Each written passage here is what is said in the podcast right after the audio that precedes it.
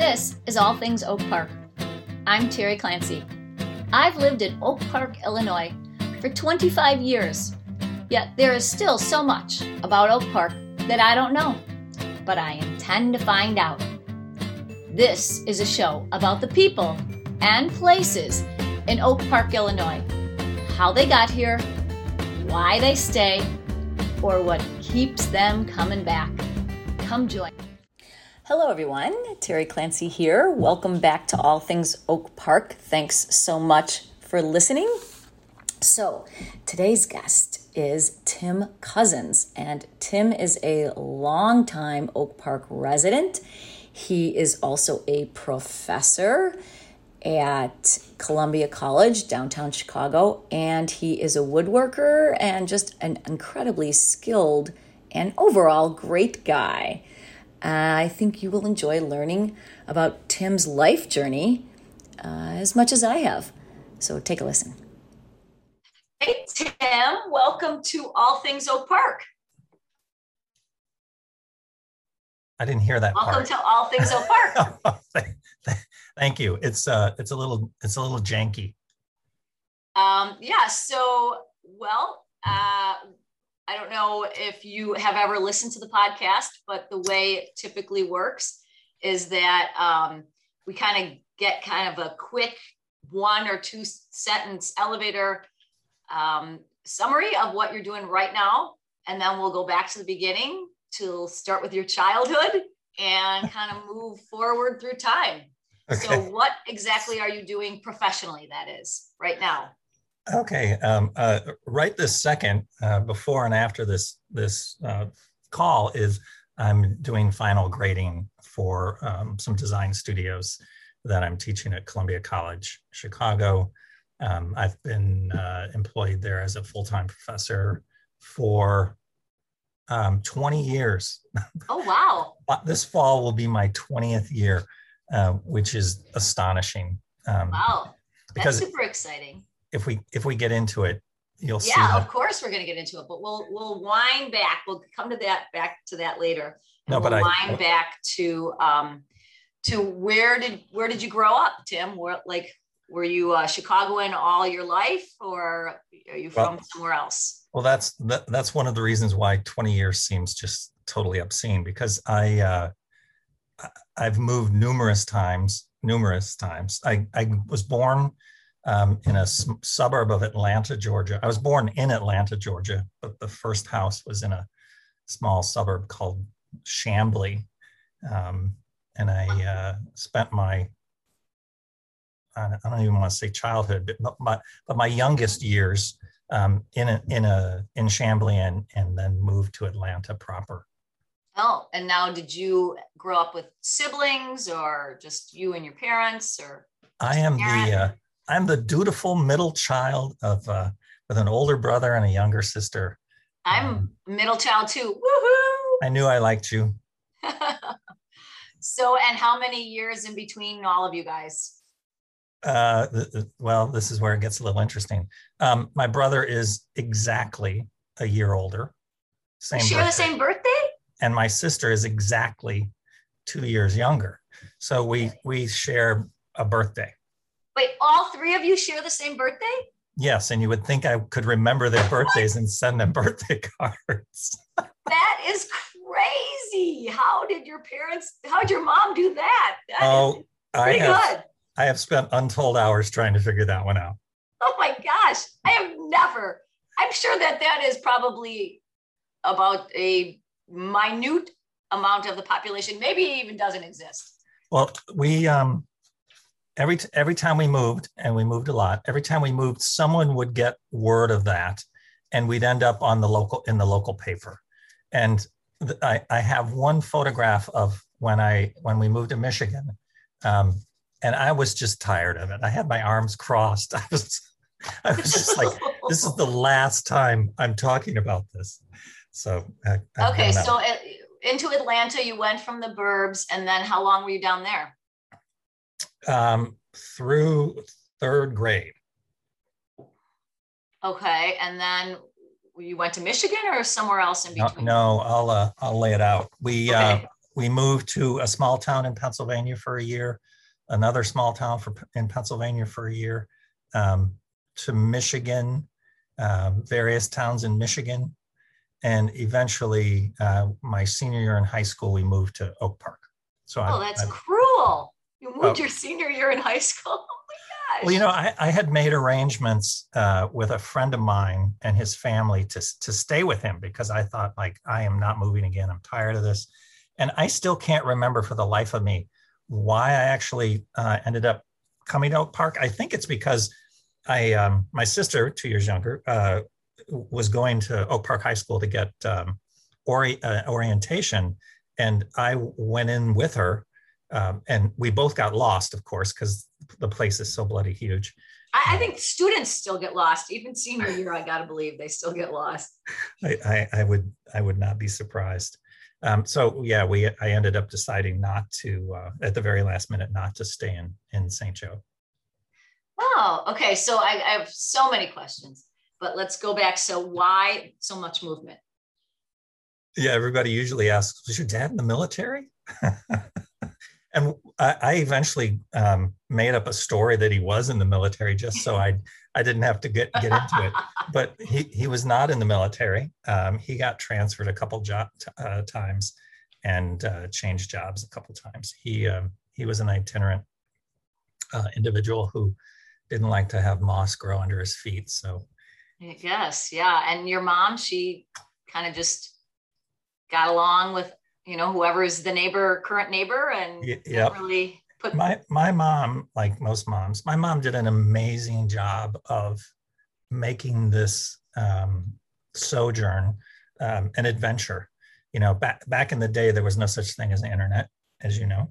Um, and she would uh, she would make it wasn't a game it was an adventure. So we uh, we'd, we'd get packets in the mail of, of potential places we were going to move from the Chamber of Commerce. You know, they used to they used to send out welcome packets, um, and it was just fascinating to me um, what with the potential of the places. I was never, I mean, I was a terribly shy child, but I was never. It was never a fearful experience. It was always an adventure. I kind of thought for many years that everybody did this until I met my wife, who grew up three blocks from where we live now. Yeah, no, you're right. Not not a lot of people do that. You know, and I wonder like some of the more transitory states in the country like New York and in California where, you know, it seems like people maybe live there once in their lives but don't put down roots. Right. I wonder if there are a lot of people like you living there that, you know, that seems to like their people are all these people who have moved around a lot and they just, you know, have a lot in common be interesting to know. Yeah, I I I thought everybody did. Yeah. I just assumed well, it. I never checked with anybody. I just assumed that everybody had that same experience. Well, I grew up in the same house my whole life. My parents didn't move till I think I was married. And um that's a good time bro- to move and, and, so I have lived in our Oak Park house 26 years. Um, and my brother probably moves every two years. So go figure. And he, you know, he he was raised in the same house as like me. So some people really like that put down roots, don't move a lot kind of stuff, and it sticks. And other people are like, that's the exact opposite of how I want to live my life. Now he has lived in the same apartment or a same house for a few years now, but in between, he's always buying real estate. I just, yeah. I just think he, you know, some people get that bug. Time so to move on. You have now lived in the same house for a long time, right? In Oak Park. Uh, we just celebrated, I think, if I'm correct, our 25th year in the same house. Like uh, it's it's astonishing to me. Yeah, so I guess you have decided that moving around a lot was not really what you wanted to continue to do, or is it just happened that you just didn't move? It wasn't my, an intentional decision. My my beloved wife uh, is my anchor in in the best possible way. Um, I, I like her too. I think I would have, uh, I think I would have, it, literally, I was on my way moving from New York City to Seattle when I stopped in Oak Park to see my folks and, and have coffee with Mary um, and never left, right? I never, I never made it to Seattle.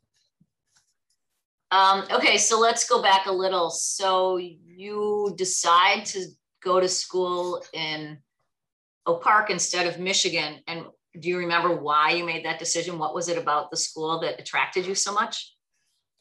Um, well, par- part of it was probably, and I haven't thought about this a lot lately.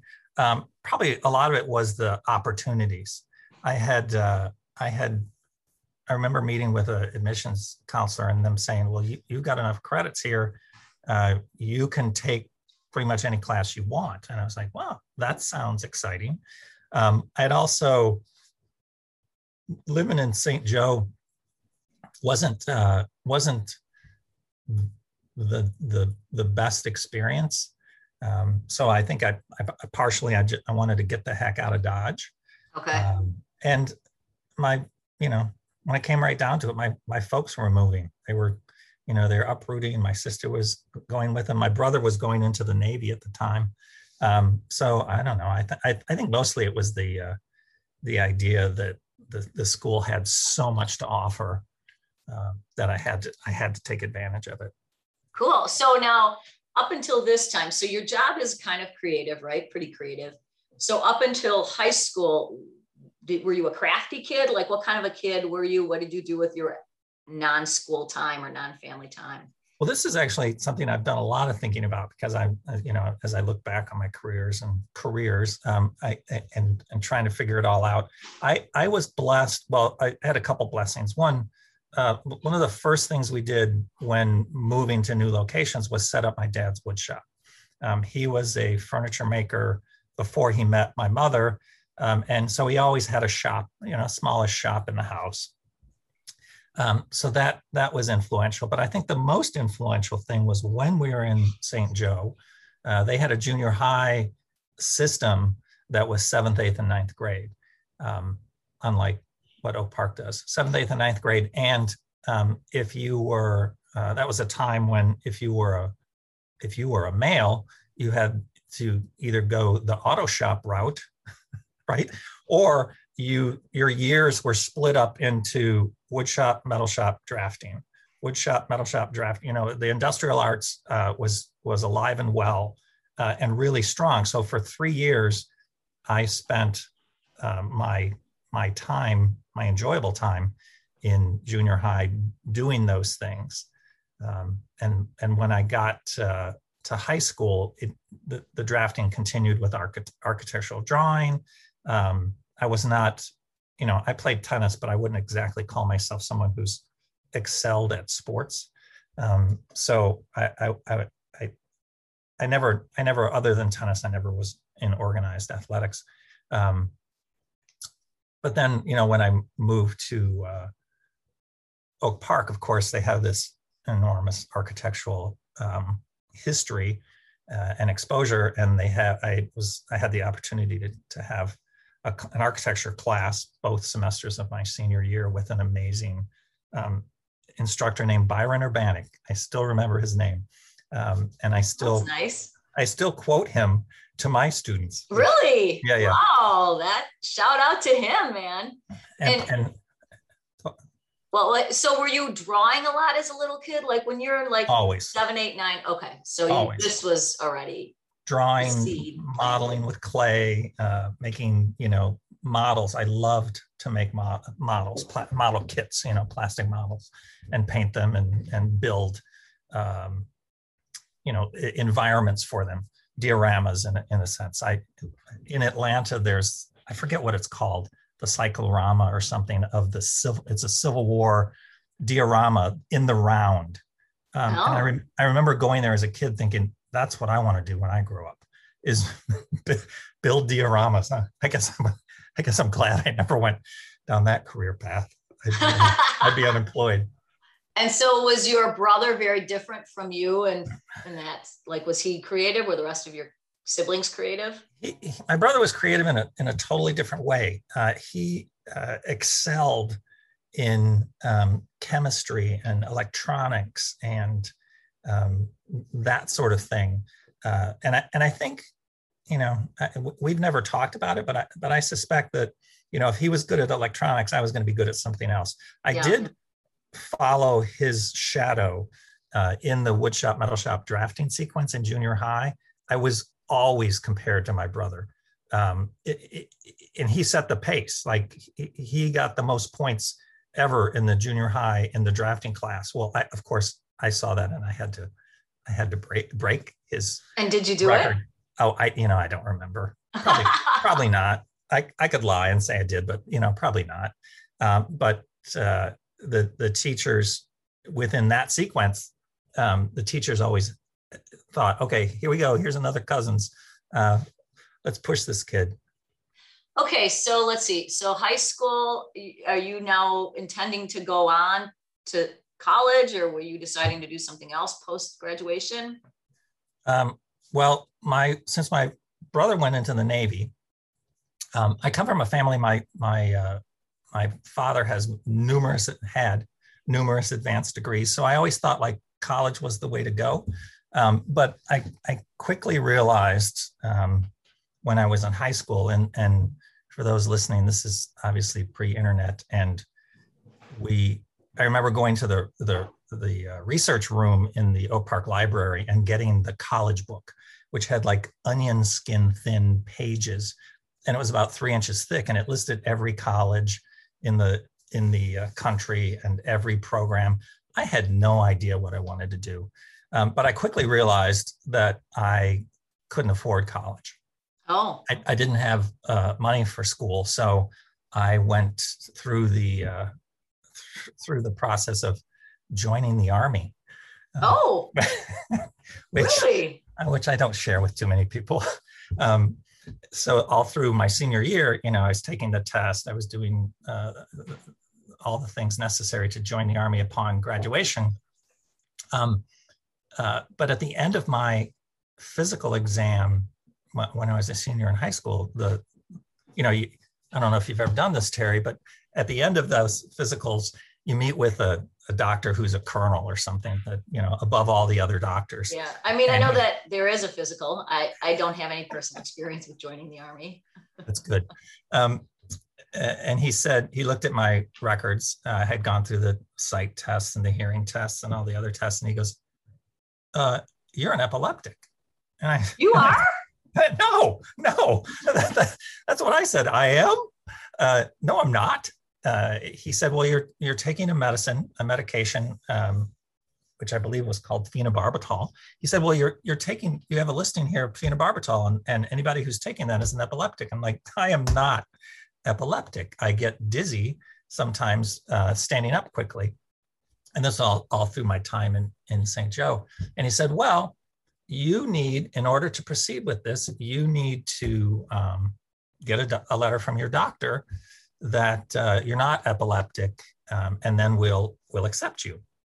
And and of course, my doctor was back in Michigan, so and this was the day before email, so it gave me a lot of time to think about it, um, and it it I, I came to the conclusion that you know, maybe military intelligence, which was the area that I was going into, um, wasn't really what I should be pursuing. So I looked into other alternatives. I thought about joining the ranger service and becoming a, a park ranger. Um, I thought about becoming a whitewater rafting guide. Like I was, all, I was, I was up for an adventure, clearly. Um, but then, you know, somehow and this was late in the game, right? So I I had never I hadn't applied to college, I hadn't applied to schools. Um, but somehow late in the game, I thought, you know what, I'll figure out a way. Um, so I applied to uh, three schools. Well, I applied to all the schools in Colorado and Wyoming because all I wanted to do was ski too. Um, and, and got accepted to all of them and then realized there's this thing called out of state tuition that just made it like, impossible mm. to go there. And wait, so, how did you? So did you grow up skiing, despite the fact that you lived in Atlanta? And I suppose if no, you live in Michigan, you ski. In right? Michigan, yeah, that's where I picked up skiing, Michigan. Okay. And and again, I wasn't that great at it. So why I thought I could go to Colorado and ski and not kill myself, um, I have no idea. So then you didn't go to Colorado or Utah. What happened then? Well, I had I applied to uh, arch- the architecture program at, at Urbana um, the architecture program at UIC, uh, and, and then um, the, actually the graphic design program in at Northern Illinois University because I had the only reason I knew about Northern was um, I had run a I had won a drawing competition as a senior in high school, architecture drawing competition, uh, sponsored by Northern, and I had to drive the drawings out there for the whole all the wow. people that were engaged. So I was like, oh, this one's this one's far enough away from home that it's away from home, but it's it's not too far. I applied too late at, at Champaign, so I didn't get accepted. Um, I got accepted at Circle and I got accepted at Northern. And at the time, uh, Circle was a commuter school. And so I made the decision like, well, when you say want... Circle, you mean UIC, right? U, yeah, UIC, sorry. UIC uh, was a commuter school. They didn't have dorms. So I, I decided I don't want to, I don't want to live at home. Right. So yeah, I went to Northern. decision. I, I, I was right there with you. I wasn't living at home or anywhere near home when I was so in college. So I went to Northern. Oh, that seemed good. Studying graphic design. And so did you spend the whole four years there? Um, I spent more than four years there, Terry. I had a lot of fun at Northern. Um, and I, I got a work study job that I had the whole time I was there. And it was, it was a great job. And I had wonderful friends and I loved living there. So I spent uh, almost five years there. Oh, I, when, I, when, when, was that? What's what time period? Oh boy, it was um, it was uh, from uh, 78 to 82. Okay. Yeah, I graduated, well, I graduated high school in 83. And so I was in college from 83 to 87. So you're just a little ahead. Yeah. And had you known Mary, is she younger than you? We are almost the same age. Uh, well, she would say she's younger than me, but it's by like three months. Oh, okay. So you guys were in the same. Did you know her senior year in high school? No, no, no. She went to Trinity. She and all her family oh. went to oh. Trinity and Fenwick. So, and when uh, I say Mary, I mean your wife, Mary. yeah, yeah, I figured as much. Um, uh, okay, so you were living parallel lives in, in Oak Park together, I suppose, right? Yeah, and we we have a, a, a funny story that I um, I was one of the inaugural waiters at Philander's when it opened back in the day in the in the mid 80s. Uh, no, it was like pre mid 80s. Uh, it was early 80s, late 70s. Um, and back in the day when um, Oak Park didn't have alcohol, uh, so Philander's was the first place that you could have a drink with dinner. Um, and I, um, her her mother later said that I waited on them. That that was the closest I ever came to meeting Mary when I was in high school, was waiting on, on them for their anniversary dinner. Wow, your her mother remembered you from that one time of being. Oh, Terry, I'm just a memorable guy. I don't know. Maybe I spilled soup in her lap or something. That's pretty good memory. Um, okay, so then graduated eventually with the degree in gra- graphic design. Is that what your degree was in? No, it took me five years because I changed my major um, oh, okay. from graphic design to uh, interior design. And then do you leave normal Illinois and move back to Chicago or what? I um, I got my dream job out of college working for a firm that I had just loved um, in Chicago. And yes, I moved back home because salaries back then for interior designers were not great. So I commuted from Oak Park um, into Chicago to work for my dream job, where uh, they were there was like 25 people there, um, and they were so busy. I worked literally every day for nine months. I did not have one day off. Wow. Um, and this is all I, commercial interior design? Yeah, yeah, yeah. Offices and, and banks and that sort of thing. Um, and but I was living the dream. I it was we had great clients across the country. I had very talented and supportive um, coworkers and leaders of the firm. But I finally woke up one day, uh, totally exhausted. I, I, literally remember waking up, sitting out of sitting in bed, looking out the window, and saying, "I can't do this anymore." Um, so I went in and quit. oh wow! Wait, and was everybody working as much as you? Oh yeah, yeah. Everybody was working. And you and the, bonused or anything. This was all salary, but expected to work 80 hours a week or something. Huh? Oh no, I I was hourly. So I made my I made my yearly salary oh. in nine months. Um, but uh, the, the firm eventually grew to about 300 people. I mean, they were so, they just kept getting busier and busier and busier. Um, but I woke up that day and, and decided I couldn't do it anymore. And uh, then figured, and that was after nine months. So okay, pretty, so you that was pretty up foolish. And, and so that? you quit. Do you have some savings at this point? No, of course not. I, I, I figured it out the other day. I was making about six dollars and fifty cents an hour. oh my gosh. Uh, so then what do you do? I uh, I, I had stayed uh, pretty close with a, a bunch of friends of mine from Northern, mostly graphic designers, and one of them was was moving to New York, um, or well, she was she was taking a road trip and going to Washington D.C., um, New York City, and Boston uh, on a job hunting expo- expedition. And I thought, well, I have my portfolio. I can write off the trip as a job hunting expense, and I'll go with you. So we we went on this sojourn. I had interviews in Washington and New York and Boston, and I had just it was a it was a lark. I just wanted to trip. Um, I had never been to uh, I'd been to Washington D.C., but but not to New York or, or Boston. Um, and I got a job offer in New York and just decided to stay. Wait, so did you just have like your your like a two weeks worth of clothes or something? Did you have to go back home and get your stuff? Oh, I came I came back home and then uh, Okay. drove something out. I don't know. Maybe we both because she ended up uh, she ended up getting a job in New York as well. So now is this new job paying you better than your old job? Slightly.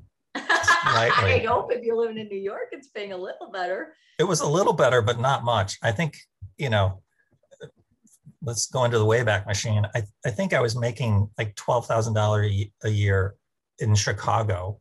And then when I went to New York, it was like 14 or something, like Oh something unbelievable. So who did you did you live in like a a closet with somebody else, or how did you Well, make well, rent and stuff?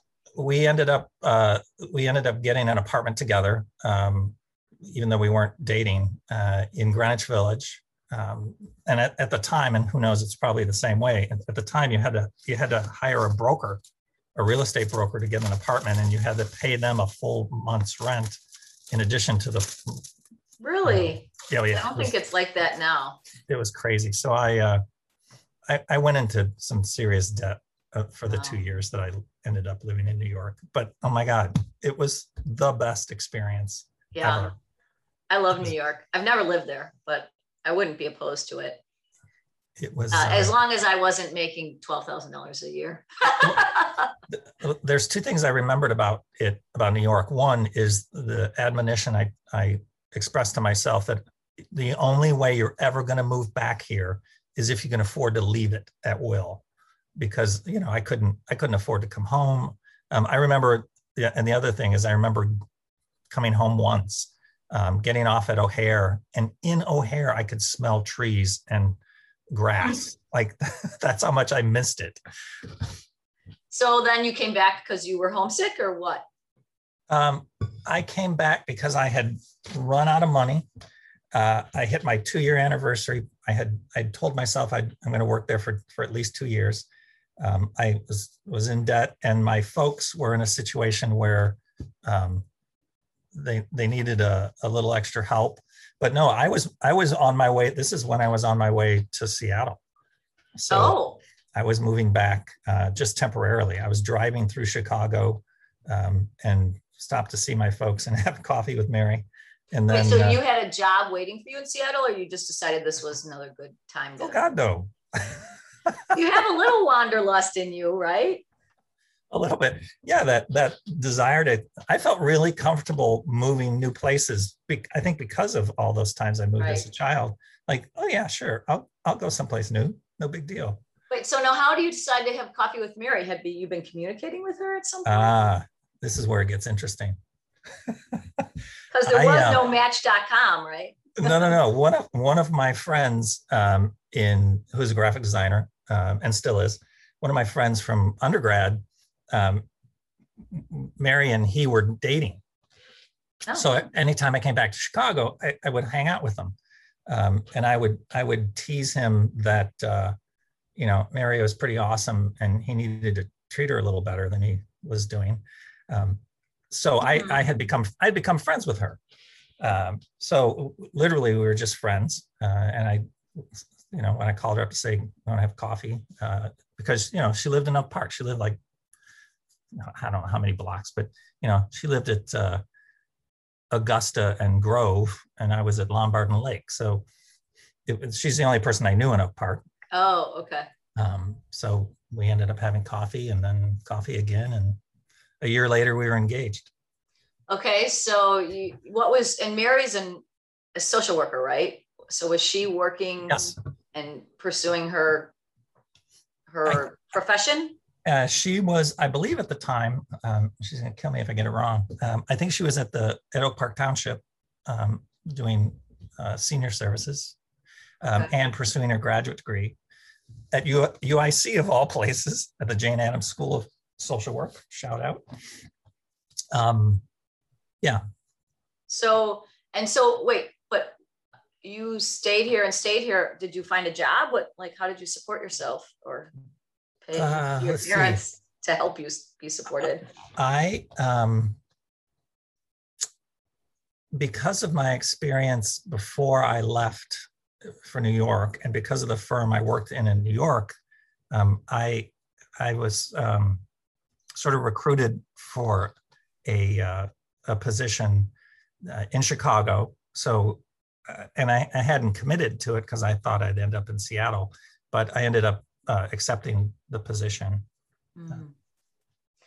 Um, and were were you like sick of Oak Park, or you really had neutral feelings about it? Like, did you like the idea of being in Oak Park? I mean, I know you like the idea of hooking up with Mary, but was it like at the expense of, you know, having to settle for a location that you didn't really want?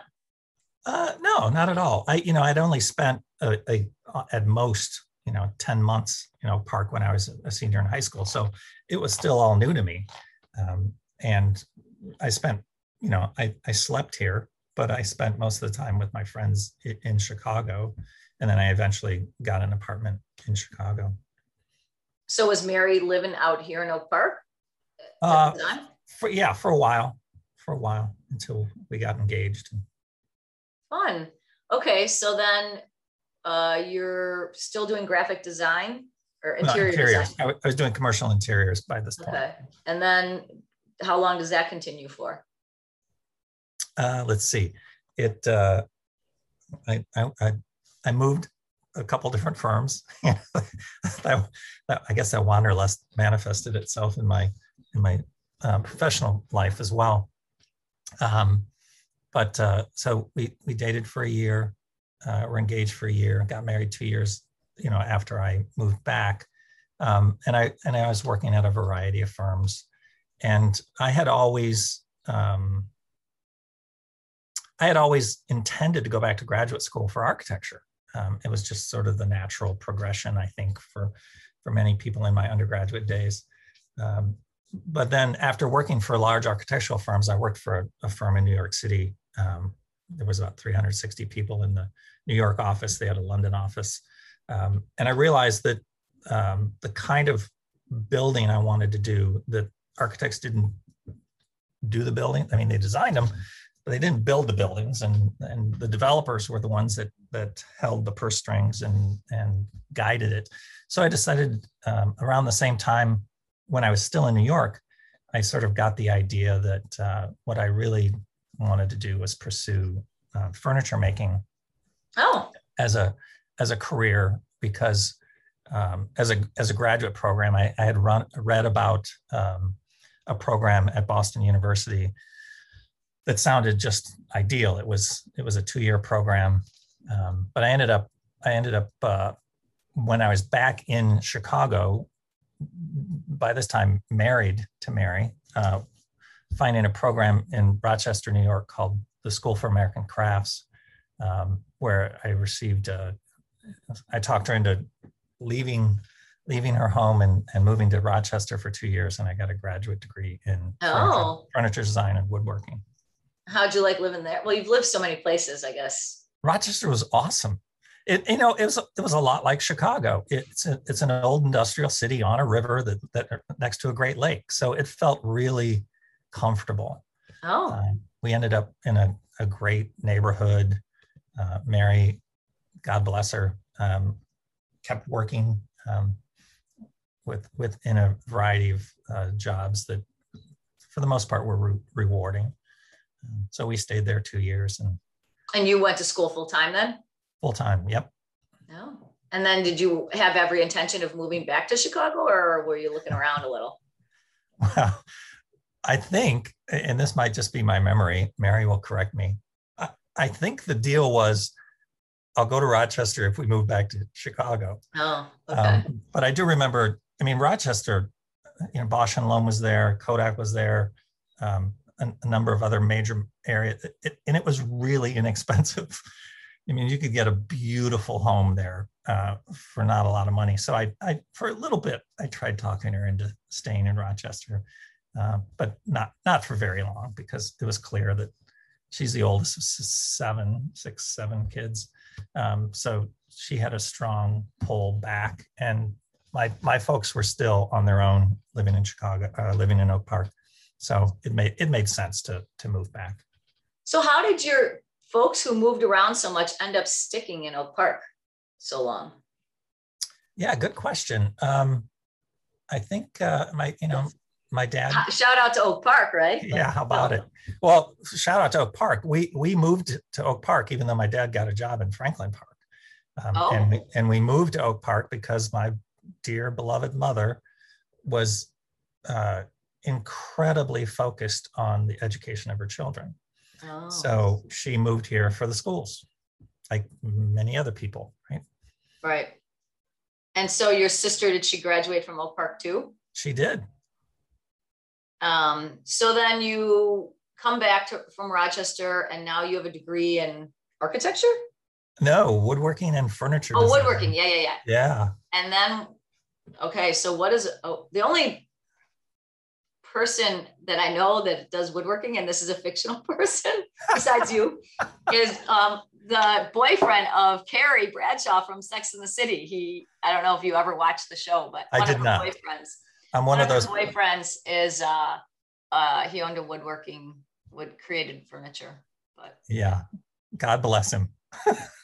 uh yeah so do you like open up your own shop or what do you do when you get back here well I'm, i moved here uh we moved back to Oak Park, and I, um, because of my original job out of undergrad, um, I received an offer from a firm called Perkins and Will here in Chicago to come uh, be a senior designer there and design custom furniture um, oh. and uh, and custom stuff.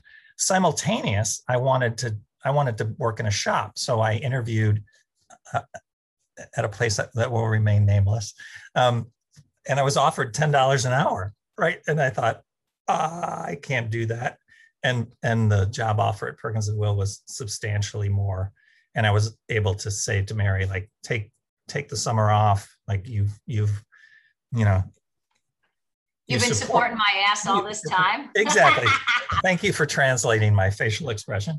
Um, exactly.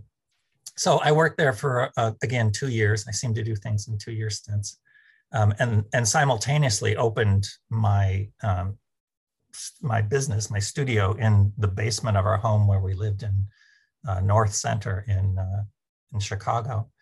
Um, yeah, that's a cool I, area. I like it, North Center. It, it, was it was a little less uh, fancy at the time. Oh, yeah. Um, and and then eventually um, started teaching part time quit my job at Perkins and Will and opened my studio full time um, in a in a commercial building, you know, four blocks away, within walking distance of our house. So it was it was pretty wonderful. And how how was being a business owner? Um, well, you know. in mine, I don't have it's, overhead. I don't have I don't have inventory. I mean, it's a little easier. It's pretty liquid being an I, attorney out of your house.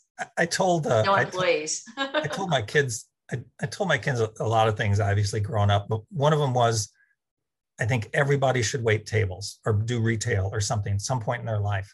and I think everybody should own their own business at some point in their life. So they realize how unglamorous it can be. Yeah, yeah. Um, I uh, I I loved it. There wasn't a day I didn't love going into my studio. Um, I eventually had, um, I think that at the height, like nine employees. Oh wow, that's um, pretty good. Well, that's pretty good, but you can imagine the overhead, the payroll. And was there like a specialty that you guys did? Like, oh, they are so good at couches or sofas. Well, or... we we uh, were really good at doing stuff that other people couldn't do or wouldn't do. We we which is a really bad business decision to do nothing twice. Right, everything was custom, everything was one of a kind. Um, we didn't do kitchens, so we couldn't we couldn't uh, fund everything else by by making multiples of something or another. Um, so it, it was a it was a bad business decision, um, but it was uh, it was very enjoyable. But I, I got to a point, you know, where I was uh, teaching part time. I was running my business. I was trying to be a good father and a good uh, husband, and I was r- quickly realizing that I wasn't doing any of them very well. Mm, um, or as or as well as I wanted to. So one of them had to go, and well, I can't. I I, I could I could I could no longer I could not stop being a father or a spouse. So it was either I had to stop teaching or I had to stop my uh, running my studio. So I I stopped. I I went in and said I'm not going to teach anymore. I spent uh, 10 years at the School of the Art Institute teaching uh, at part time and simultaneously, literally within a week of me uh, uh, announcing to the Art Institute that I wasn't going to be teaching anymore, I, I, I, received from two different people um, a posting for the position at Columbia College. And I thought, okay, well, I know I said I had to stop one of these, but maybe I had all the uh, all my documents ready to go for an interview. And I thought, okay, I'll just go interview and, and see how it goes. Maybe you're um, stopping the wrong one. Yeah, because I, you know, again, not not absolutely simultaneous, but I still remember walking into my shop one morning. Um, I was the first person there, and I turned on the lights, and of course there was no dust in the air, and the sun was coming in, and it was very romantic, and it was really beautiful. And I thought, wow, there isn't a day I don't love coming here. And, and immediately the next thought was, my kids aren't going to college. Oh, yeah, yeah. Uh, and so uh, simultaneous to that was, you know, or, or right around the same time was this this uh, situation at Columbia where, you know, they offer tuition remission to, stu- you know, children of faculty. So I thought, okay, well maybe maybe this could work maybe I could still I could switch them. I could teach full time and have my studio part time. Oh, right. Yeah. Did that work out? Yeah, for a couple years. And then it was just not making enough profit, or what? It was just too. It was too much. It, yeah. I was working till two in the morning. You know, four or five yeah. days a week because I was. I we were splitting childcare. You know, I was staying home with the kids in the morning, and and Mary would work in the mornings. Part you know, thirty hours a week or whatever. Um, so it, it just became far too complicated.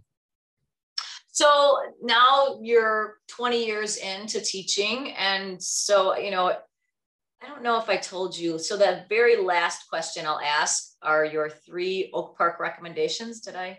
And I, I don't know if I did, I didn't tell you, you can think about that, keep that in the back burner. But I would like to know, like, what has you, what have you seen change about kids or you know students? And i don't know if you have a lot of young students or maybe they're they're older but what have you seen change over the course of 20 years? Have you been you've been teaching at columbia the whole time right? I've been teaching it i've been teaching for 35 years but oh, okay. for 20 oh. years full time at columbia. The rest of the other 15 years was part-time at a, at a variety of institutions. Um, what, what i've seen change is uh, you know, I've seen the effects of No Child Left Behind uh, and the and the test, you know, teach to the test. Okay. Um, there, there's a uh, not as great of a willingness to take risks. Um, mm. uh, not, and you know, in the creative fields, you, you got to be a risk taker. You got to figure it out. So what what I've noticed is we've had to do things uh, in our program um, in order to challenge risk taking. Uh, that's that's one of the main things. Um, Columbia has a long history of of uh, what used to be called open admissions. So uh, if you had a high school diploma and a um, heartbeat, uh, you, you could get accepted. It's different now. It's it's very different now. The the academic preparedness um, is is significantly higher than significantly higher than it used to be, um, but it's still a, a, generous admission school because they they believe very strongly, and I and I believe very strongly that uh, creative individuals don't necessarily test well. Right. Um, so, uh, and because of that, and now we're the only interiors program in the region. Um, the closest one is in Carbondale. Uh, oh. there's only two in the state. Really? Yeah. Even the private schools? Yeah. They're they're all gone. They've all uh, even the School of the Art Institute no longer has an undergraduate interiors program, to the best of my knowledge. Um, so we we get students from a wide variety of, of preparedness, and by that I mean uh, not only willingness to take risks, but you know most of them have never thought about interiors. We don't yeah. we don't teach interiors in, in secondary education. We don't you know, H, HGTV is the closest they get to thinking about interiors. So um, just to kind of veer a little bit sideways. So, you know, there's been a lot of talk in the media and stuff about, you know, kids just, they don't want to become adults, you know, that they, you know, live in their parents' basement too long, this kind of thing. And I listened to some woman who actually wrote a whole book about like how you know where kids are with adulting and stuff. And her analysis is that you know used to they're like say there's four stages of crossing of teaching a kid to cross a street. And the first stage and this maybe come from like a stanford study the first stage is you know you're carrying them across the street because they're just too little to teach them anything and then the last stage is they're crossing the street on their own without you being there. And the middle two stages is one you know you're holding their hand crossing the street. And then the third stage is you know you are standing next to them but they're directing you crossing the street. But you know you're going to save them in case they step in front of the truck right? And they go yep. too early. But yep. you're not going to largely you're not going to give them advice or anything. You're just going to you know maybe let them fail a little bit without getting hit by a car. And her argument is that now whether it's our egos wrapped up in our kids or we're too worried about their safety, whatever it is, and maybe it's many things. Those two stages really are are not there, and so kids start from you know a position of your parents carrying you across the street and, and then all of a sudden they're standing on the curb and they have to cross themselves with these cars flying by and they don't really know what to do so i don't know do you would you agree with that that you've seen some of that or is that just you know it, her kind of that sounds like a, sell a book. it's, it's it sounds like a Stanford study, uh, and I absolutely agree with it. Um, oh, really? Oh, yeah. I see evidence of of similar situations. You know, most of our students are are uh, college age. You know, 18, 19. Occasionally, we'll get. Uh, we have a very large transfer population. Um, uh, about a third of our program is transfer, and we have about a I don't know 160 students. Um, and then we have some what are lovingly referred to as uh, adult learners, um, but older, you know, students that are older. Um, but the but yeah, there's a there's a unif there is no there is no standard student, right? There is no ubiquitous student. They're all different, but th- that what you just related uh, is one of the traits that runs through many of them. So that doesn't surprise me at all. It's a, it's mm. a, I think a brilliant yeah. analysis of it. So an antidote she said, which you know I'm I'm sure I'm guilty of. You know, instead of trying to solve that problem for the child, tell them you're right. That sucks. That's going to be a problem you're going to need to solve, and I know you can do it. So get at it. You know, and I think that we are just so because we have more knowledge than them, we can solve that problem a lot easier.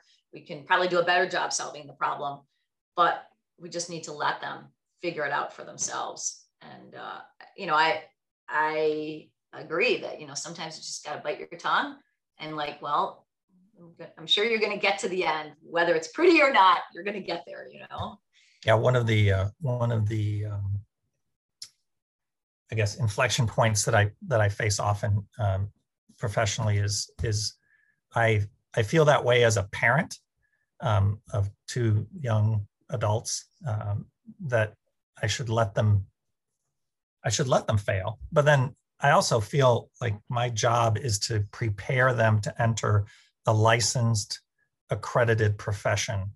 And I find uh, I find I have a, a, a, great deal of responsibility to the profession. Um, so I have to walk that middle ground of like holding their hands or directing them as they cross the street for the first time. Um, yeah, yeah, you do. I'm glad it's you, Tim. I'm sure that they feel a lot better about themselves with you as a professor. Well, having having two of them myself um, helps a lot. Yeah, I agree. Um, okay, so I will give you the next seven minutes to make your um, suggestions to our listeners. And you know, I don't know if you've heard many of the podcasts, but they have been very varied. Some of them are similar as far as their Oak Park recommendations, their top three. But the last few people have had, you know, Pat Carew being particularly one who had a very interesting three three oh, selection I, that I'm sure will never be replicated ever. I got I got to go back and listen to Pat's. Yeah, I would listen to it. So, what do you think? Um, my first one would be take the L. Take the, either the green line or the blue line. Take the L. Um, only because uh, I, I, I rem- this goes back to when I was in high school and, and, and subsequently, I'm shocked, shocked at how many people have never taken the green line or the blue line. They've never taken the L. It's scary. Um, and I think it, uh, it's eye opening um, and it's educational and uh, it's public transportation. So uh, that would be number one. And the fact that we're at the end of two public transportation lines, I think is one of the things that, that makes Oak Park both appealing and valuable. Okay. Uh, yep. Never had that suggestion before. I suppose whether you're taking it because you live in Oak Park and you're going downtown, or whether you're visiting Oak Park and you're visiting from downtown and taking it out here.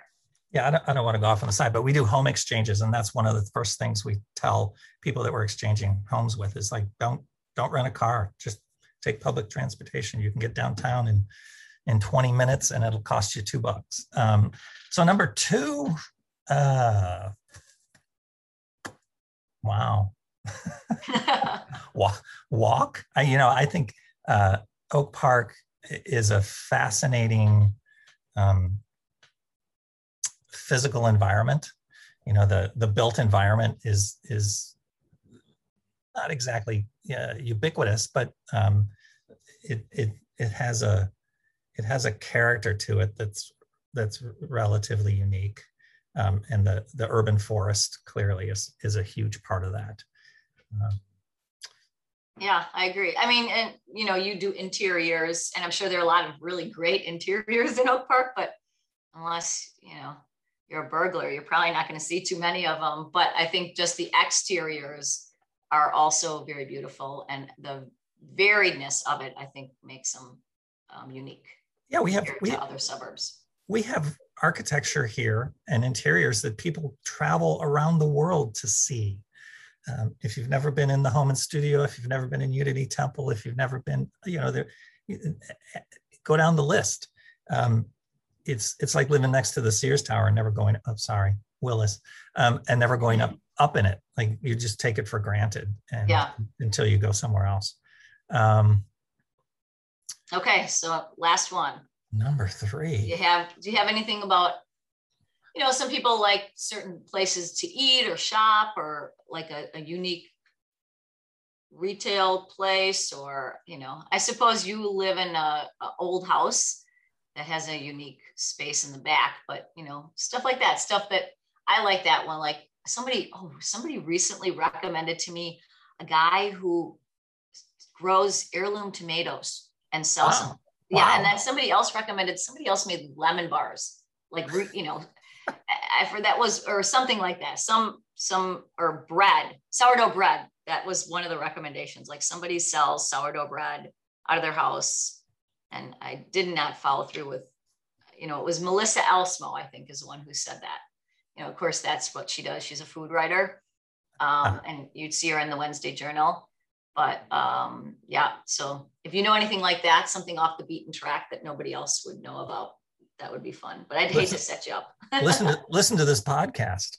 yeah, look at that. You, you, did, you didn't pay me to say that. You didn't say pay me to say that. Um, I think it goes along with uh, the walking and the architecture. Um, is is go take advantage of the garden walks. Like you you you never get a chance to go in people's backyards, right? Yeah, you, you I can agree. see the front of their house without getting arrested. Um, you know, and the and the spaces that exist behind some of these homes are uh, just as wonderful uh, outdoor spaces as as what I'm sure the interiors are. I would, and and of course the the house walk um, going inside these would be uh, Yeah.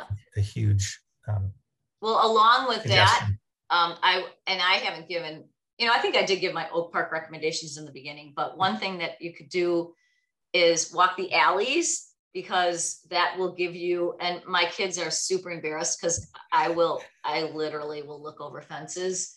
Um, not because I want to rob the place, but because you know You're I want to get curious. ideas. Yeah.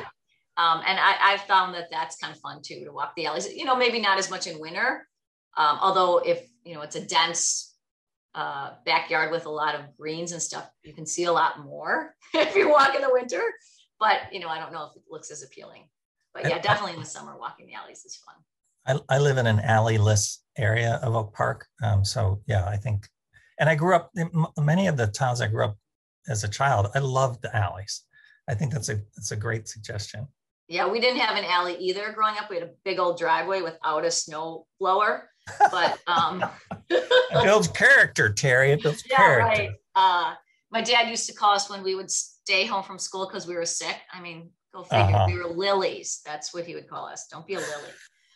I mean, sending your sick kid to school so that you know, I don't know, but yeah. Uh, anyway, so but my cousins had alleys, and they did a lot of playing in the alleys. And our, there are kids in our um, on our block who do a lot of playing in alleys. So especially if they're the newly paved ones.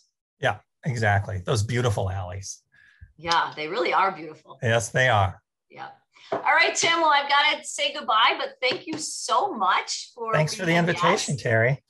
Um, I've learned a lot about you and you know about life, and you know, I, love, I love doing these interviews. I you know I would do them even if I wasn't publishing them. That's fun. All right. Well, take care. Thank you.